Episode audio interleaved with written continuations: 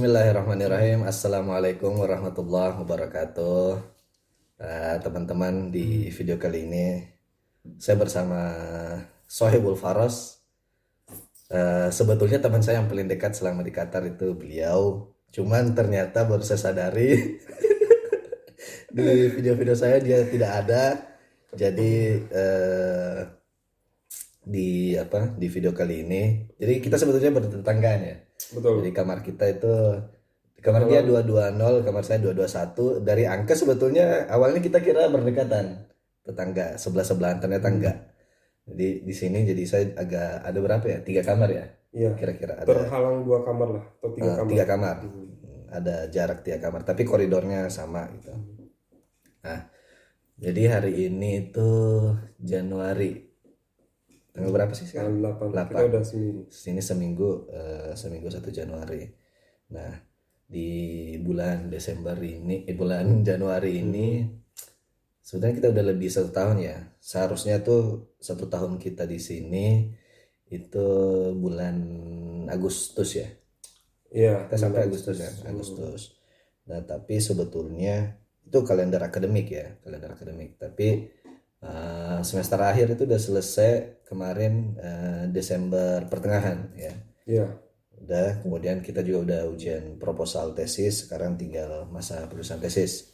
Hmm. Eh, seperti yang di video-video yang lalu, ju- jurusan kita berbeda. Jadi walaupun sama-sama di Islamic Studies, tapi saya di Islamic Civilization and Society dan Faros di Contemporary Quranic Studies. Nah, itu sebetulnya penjelasan tentang jurusannya Faros itu ada sama video saya yang pertama tuh yang Nah, sama Bang betul. Gi Hmm.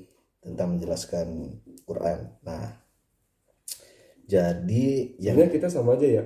Eh, Apa? padahal kan eh, maksudnya kita di semester awal tuh mata kuliah sama mata juga kuliah kan. sama, Hmm. mata kuliah dasar tuh yang Mata kuliah pertama dasar sama. sama. Nah, Yang beda itu cuma tiga pas atau empat pas spesialisasi Iya. aja. spesialisasinya. Betul. Nah, eh, di video ini kita tuh mau membahas yang pertama beberapa hal sih, semacam refleksi gitu setelah Hmm. kurang lebih setahun di kuliah di Qatar nih. Yang pertama mungkin gini, Ros. Kita mungkin mau Mungkin membahas kita ini aja gitu bahas eh, wasiat-wasiat itu ya. jangan bahas bahas dulu ini dulu jangan-jangan. tentang tentang kita dulu. apa eh, kesan dulu. Eh, refleksi kita. Jadi yang pertama Hmm. itu apa gini?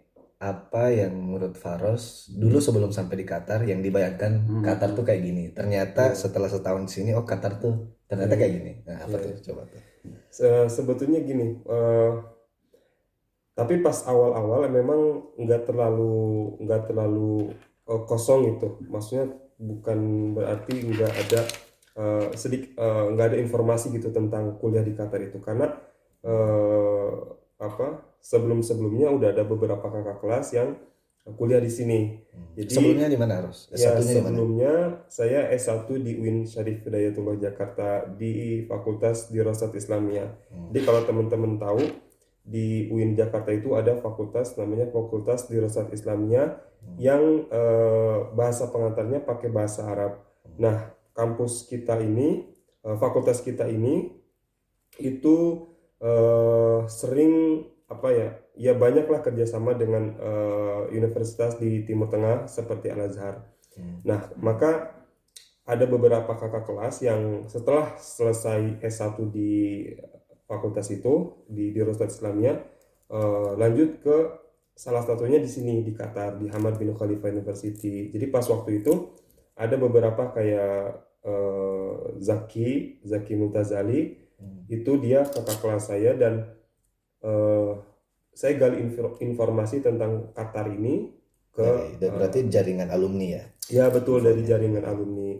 Nah memang awalnya yang dikasih tahu informasinya itu eh, dari teman saya bahwasanya di Qatar itu khususnya di sini ya di Hamad bin Khalifa University tapi ya nggak tahu juga sih di, di kampus lain seperti apa gitu. Hmm. Karena yang yang saya eh, dulu bayangkan eh, mungkin akan lebih eh, sama gitu metodenya dengan dengan eh, seperti Al Azhar itu Timur Tengah Timur di, di di Mesir Eh, lebih lebih turos kemudian eh, lebih orang lebih banyak membayangkan banyak hafalan gitu kemudian eh, teori-teori Tapi ternyata di sini enggak gitu.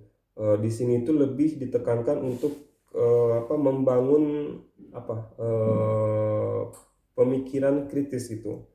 Jadi eh, kita benar-benar di sini itu enggak enggak enggak diajarkan untuk eh, apa namanya? menjadi ulama tafsir Ya menjadi misalkan saya nih contemporary Quranic studies Ya. bukan menjadikan saya sebagai atau mencetak Mufasir. mufasir Hmm. atau ulama yang handal di bidang tafsir, tapi lebih kepada bagaimana kita mengkaji produk-produk ulama tafsir, produk-produk eh, apa para pemikir yang yang menulis tentang Tafsir. Al-Qur'an, tentang tafsir, ulumul Quran tengah ataupun dari Iya. barat kan dari timur ataupun barat. Kemudian kita kritik eh, apa yang mereka tulis itu sehingga kita dibangun untuk eh, atau dipersiapkan untuk bisa berpikir lebih kritis lagi. Hmm, jadi eh, itu ya menurut saya yang perlu digarisbawahi juga Nah, ya betul. harus ya Nah makanya di kita kan nggak nggak terlalu, maksudnya perkuliahan kan hanya sebentar gitu, satu minggu cuma tiga kali atau tiga hari dalam Hmm, seminggu. tiga hari. Dan itu pun itu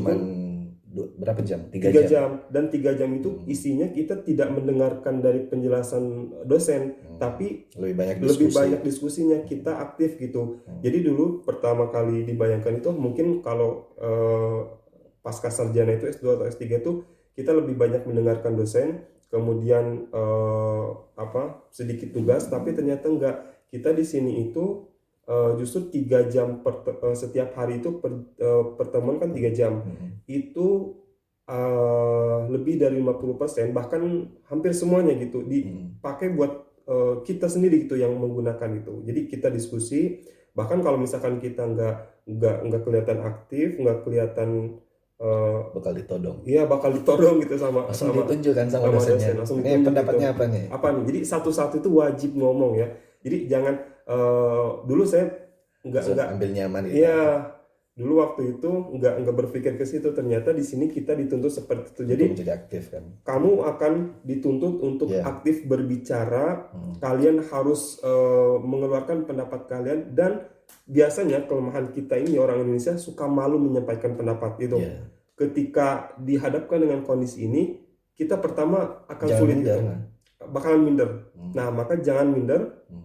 Yang harus dipersiapkan adalah karena mental. se- karena sebetulnya apa yang kita dapat di perkuliahan kita di Indonesia Hmm. itu sebetulnya pemikirannya nggak kalah loh Iya betul, jadi betul. jangan aja untuk menyampaikan Mhm. pendapat gitu menyampaikan pemikiran walaupun dari ilmuwan-ilmuwan yang Iya. biasa kita dengar di Indonesia Jadi apa yang kita ya apa yang kita pikirkan, apa yang kita eh, apa ada tentang informasi siapa gitu, kita sampaikan aja pendapat kita sampaikan karena mereka itu sangat eh, apa ya menghargai pendapat itu. Hmm. Perbedaan pendapat itu mau itu pendapat yang abal-abal gitu bahkan itu mereka sangat eh, menghargai gitu, sangat Kan nggak mengapresiasi sekali. kayak di Indonesia kan Iya, Indonesia kalau bisa kan mungkin Oh. kalau misalnya pendapatnya klise atau udah biasa gitu atau bahkan mungkin ada salah ucap gitu mhm. kita diketawain kan kalau kalau di kelas kita kalau di sini tuh enggak Diketawain kita, gitu. kita, di- Tapi kita dihargai kita dihargai gitu. setiap pendapat dihargai gitu kalaupun salah ya diluruskan sama betul ini kan sama- betul sama nanti akan diluruskan oleh nah eh, jadi itu yang pertama tuh kita mau meluruskan bahwa eh, Hmm. teman-teman jangan harap bahwa ketika ke Hamad bin Khalifah itu karena sekarang dalam proses ini kan pendaftaran kan betul karena ada tuh yang teman kita dari Asia Tenggara juga dia tuh awalnya mengira bahwa ketika kuliah S2 di Qatar dia mengiranya sama dengan negara Timur Tengah lainnya iya betul. Turath gitu sampai di sini wah ternyata kok kajiannya kayak gini Mhm. lebih modern gitu metodologinya lebih ke metodologi barat gitu. Iya. Tapi tetap ada kalau referensi-referensi kitab kuning tetap ada tetap Betul. ada kayak gitu tapi metodologinya metodologi modern metodologi Mhm. barat gitu Nah, jadi itu jadi kalau yang teman-teman memang suka ke Turath sebaiknya Mhm. tidak daftar di Ahmad bin Khalifah betul ditakutnya gitu takutnya Mhm. nanti ada yang daftar terus kiranya di sini sama dengan di Maroko di Yaman di Al Azhar itu beda itu Beda. beda Mhm. Hmm. Nah itu dari segi akademis nih Ros. iya betul dari segi non akademis budayanya misalnya atau keadaan kehidupan gitu Hmm. apa yang berbeda dari harapan di awal sebelum harapan sampai di awal itu tentu ya kalau dengar Timur Tengah itu pasti identik ya budaya Timur Tengah gitu kan Eh, sebagaimana lazimnya contoh lah misalkan di ya tetangga misalkan Qatar Saudi Arabia Hmm. misalkan atau daerah eh, bahkan daerah Afrika di di Mesir itu karena eh, daerah Timur Tengah juga. Tapi eh, di awal itu memang punya punya apa? eh, ya mungkin bayangan awal itu bakalan eh, tinggal di lingkungan Arab. Kemudian dari segi misalkan interaksi gitu bahasa yang digunakan itu adalah mungkin bakalan eh, di atas 50% menggunakan bahasa Arab gitu sehingga bisa lebih lebih eh, tahu lagi dalam lagi eh, tentang penggunaan bahasa Arab di Qatar ini. Itu awalnya. Itu awalnya. Mengira seperti itu. mengira seperti itu. Ternyata setelah sampai ternyata setelah sampai ternyata yang digunakan itu eh, justru yang mendominasi adalah bahasa Inggris. Jadi bukan bukan bahasa Arab. Tapi bukan berarti mereka itu nggak paham bahasa Arab. Mereka sangat eh, paham bahasa Arab. Dan eh, bahkan gitu eh, apa yang yang para pekerja di sini itu juga mereka bisa bahasa Arab gitu. Cuman untuk bahasa percakapan pertama itu lebih lumrah bahasa lebih Inggris. lumrahnya pakai bahasa Inggris itu. Karena setiap pengurusan dan seterusnya itu lebih lumrah Iya, pakai bahasa Inggris. Betul. Itu sebetulnya wajar Hmm. karena Qatar kan sejarahnya memang eh, negara protektoratnya Inggris Iya, kan. betul. Jadi Mhm. kalau dia menjadi Mhm. eh, salah satu bahasa ofisialnya bahasa Inggris ya wajar gitu. Mhm.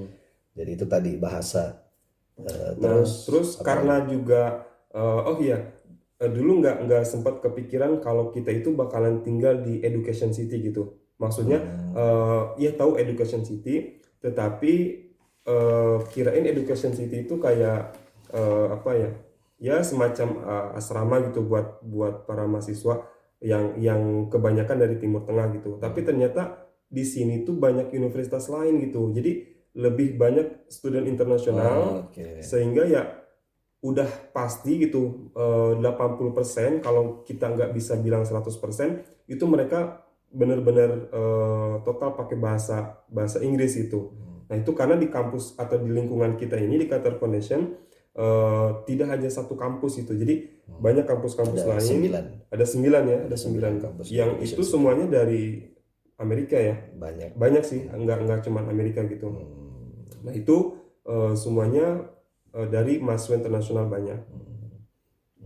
Nah, terus itu tadi masih menyambung tentang penggunaan bahasa Arab. Mhm. Eh, karena kita jarang menggunakan bahasa Arab, jadi kita susah tuh dapat. Betul, Kalau teman-teman nanya bahasa Amiyah Qatari gitu, ya apa gitu? mungkin Misalkan- beda beda kalau kayak di Arab Saudi atau di Mesir, Mhm, karena ke mana-mana mungkin kita bakal ketemu dengan orang Mesir asli kan. Jadi sampai kita tahu lah gitu ya benar. Mesir di sini tuh kita jarang banget ketemu orang Hmm. Qatari asli di luar, terus mereka bahasa Arab gitu ke kita. Hmm, hmm. Enggak, justru mereka lebih banyak bahasa Inggris gitu. Iya betul. Jadi eh, kalau misalkan karena kan gini Qatar itu termasuk yang minoritas di negaranya sendiri gitu. Orang Qatari Orang asli. Qatar asli itu malah menjadi eh, minoritas di negaranya sendiri. Jadi sangat pertama kita sangat sulit untuk menemukan sampai keberadaan nggak mereka. sampai 10%. Iya nggak nyampe 10% itu dari Kalaupun kalaupun kita dapat orang Qatar itu mereka langsung strata sosialnya ya tinggi. strata Jadi kita nggak nggak bakal dapat misalnya Hmm. orang Qatari asli terus jualan-jualan apa gitu di pinggir jalan misalnya. Nggak. mungkin itu. Itu nggak akan pernah gitu kayaknya. Untuk saat ini gitu. Hmm. Karena mereka emang setelah pendidikan Mhm. mereka eh, misalnya eh, misalnya masuk ke dalam suatu perusahaan mereka pasti udah dapat tempat yang eh, apa yang menengah ke atas gitu tempatnya kalaupun misalnya mereka masuk kemudian eh, kapabilitasnya itu masih kurang Paling di ah, nggak lama tuh Nggak. paling dalam satu, Satu tahun, tahun. mereka pasti akan naik ke level yang lebih tinggi Iya. gitu Jadi di sini tuh mereka tuh nggak mencari pekerjaan gitu orang Nah, itu. kalau mereka, tapi Qatari asli ya Iya, jadi nggak semua jadi kalau ada Hmm. info misalnya oh di Qatar itu alumninya alumni kampusnya adalah eh, langsung ditawari pekerjaan enggak, gitu. itu benar tapi untuk Qatari. Mhm. tapi untuk non Qatari ya sama aja kita tetap harus melalui prosedur yang seperti biasa melamar kerja dan seterusnya. Harus nah terus yang ini Ros yang Hmm. pengalaman saya yang sarung itu. Oh Nah, iya itu, itu penting juga Oh iya, budaya itu. jadi eh, apa cultural shock, shock ya jadi Hmm. eh, budaya itu perbedaan budaya salah satunya yang saya alami sendiri yang itu Iya, jadi ini penting untuk betul, betul. saya share gitu sebetulnya kan saya udah dikasih tahu tuh Hmm. Iya. sama untuk penggunaan sarung jangan pakai sarung ke masjid gitu Mhm. Tapi awalnya awalnya saya ikut tuh nggak pakai sarung ke masjid. Tapi kemudian karena saya melihat ada orang lain yang pakai, mungkin nggak tahu juga ya dia Hmm. ya. Akhirnya di pekan-pekan berikutnya sholat Jumat saya masih pakai tuh. Mhm. Kemudian selang-seling. Ah, tibalah pada satu masa.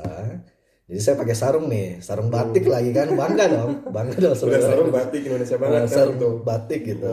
Pokoknya bukan bagus lah gitu, desainnya bagus lah. Sampai ke sana diberhentiin tuh sama security di di kampus, di masjid. Karena kam- eh, masjid kita di kampus itu sendiri, Iya, jadi betul. satu satu. Jadi gedung Minaratain itu masjid di situ, kelas kita juga di situ. Jadi dalam satu bangunan, lantai duanya ada masjid. Hmm. Nah, masuk di situ langsung diberhentiin sama security. Dia bilang, "Kamu kenapa pakai sarung?" gitu kan. Hmm. Saya bilang, "Wah, ini pakaian sholat. Iya. Di negara saya ini pakaian Mhm. terhormat gitu pakaian sholat." Dia Iya. bilang, "Wah, enggak.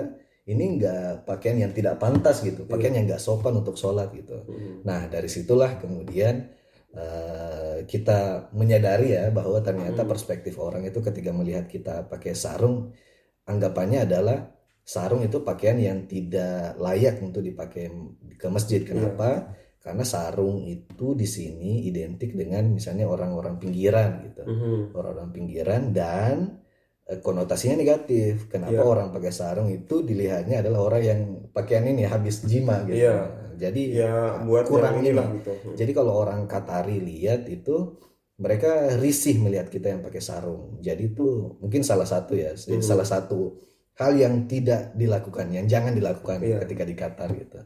Nah, yang hal itu.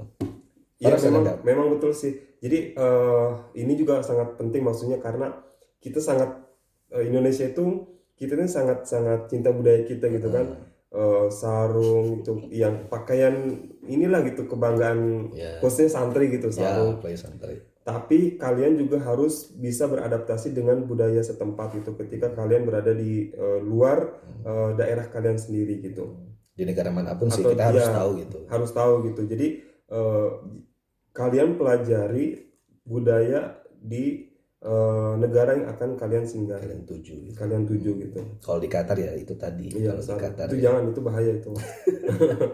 yang paling parah itu ceritanya Mutawa itu jadi Ah. ada orang-orang Indonesia kan yang jadi muazin sini jadi imam di sini Hmm. mereka tuh bahkan awal-awalnya pakai sarung ke mall masuk di mall ya disuruh buka lah untuk pakai ini untuk pakai celana pendek kan di dalam Waduh, kalau nggak pakai apa-apa itu kan parah Jadi kalau di Indonesia kan kita boleh bangga gitu kan, apalagi santri gitu. apalagi santri fanatik banget Oh, fanatik banget kan kalau santri. Oh, oh ke ke mall, ke pasar pakai sarung. Oh, ini identitas dong santri. Tapi kalian nggak bisa uh, Nggak semua egois gitu. Gitu ketika kalian berada di uh, tempat yang berbeda gitu, yang punya perspektif berbeda juga tentang uh, budaya Kita harus itu. menghargai Kita harus pandangan menghargai. lokal sama Betul. aja kalau kita di Indonesia misalnya kan Hmm. kita kan pasti berharap orang-orang saya bule-bule gitu kita kan berharap mereka menghargai budaya kita dengan pakaiannya mungkin yang agak tertutup, tertutup, gitu kan betul, betul. sama juga Ya, di sini sama Eh, juga. di sini juga kayak itu Betul. jadi kalaupun ada bule di sini karena kan di sini ada Nah, ada betul, wilayah betul. tertentu kayak Hmm. bule gitu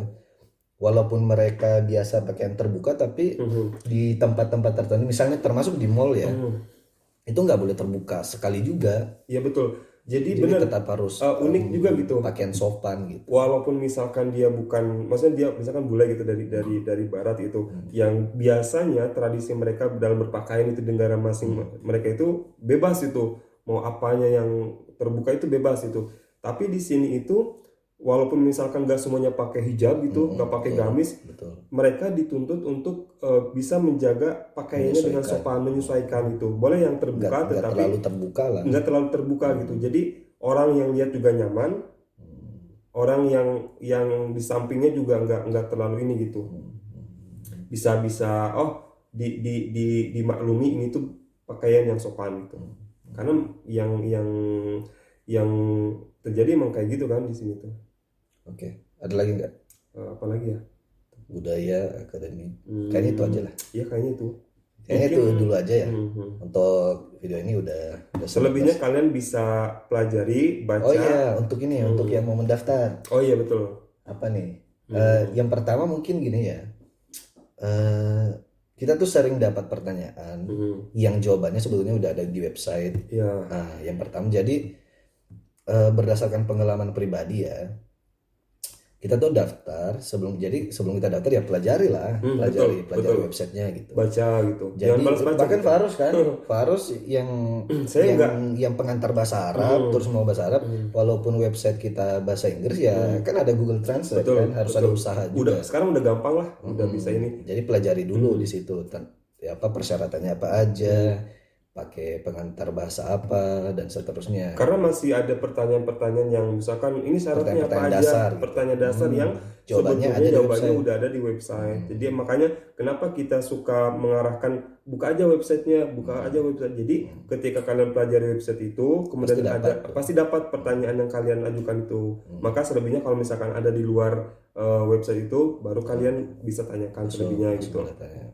Termasuk video-video ya. Ya termasuk jadi video-video. di channel saya ini maupun di channel PPI itu sebetulnya udah lengkap banget ya ya betul. Mau di Qatar University mau di Hamad bin Khalifa maupun yang lain itu sebetulnya udah banyak Ya. banget. Lumayan. Kalau ditonton semua itu kayaknya Itu nggak ada nggak nggak ada lagi pertanyaan-pertanyaan dasar gitu yang nggak kejawab. Hmm. semuanya semuanya ada di situ. Ya hampir lah semuanya eh, bisa dikatakan udah Dan ada sedikit-sedikit Ya, gitu, sedikit-sedikit pertanyaan detail Mhm. gitu. Pertanyaan oke lah Hmm. kira itu dulu ya Ros Dan dulu. mungkin nantilah kita bikin mungkin setiap Jumat ya. Ya oke. Seharusnya dirutinkan Ros ya. Tapi kalau iya sih harus seharusnya harus- setiap Jumat gitu kita kita bikin eh, apalah gitu semacam refleksi kita jadi ini yang pertama dengan Faros. Harusnya saya, saya memang banyak bikin video sama Faros. Iya, cuman cuman cuman emang emang emang saya baru nyadar sih. Dan kita memang baru ada waktu lowong kan setelah eh, ke selesai kemarin. Oke baiklah teman-teman terima kasih. Hmm, eh, telah menonton. Eh, nanti Instagramnya Faros saya cantumin di sini. Iya. terima kasih. Assalamualaikum warahmatullahi wabarakatuh. Waalaikumsalam warahmatullahi wabarakatuh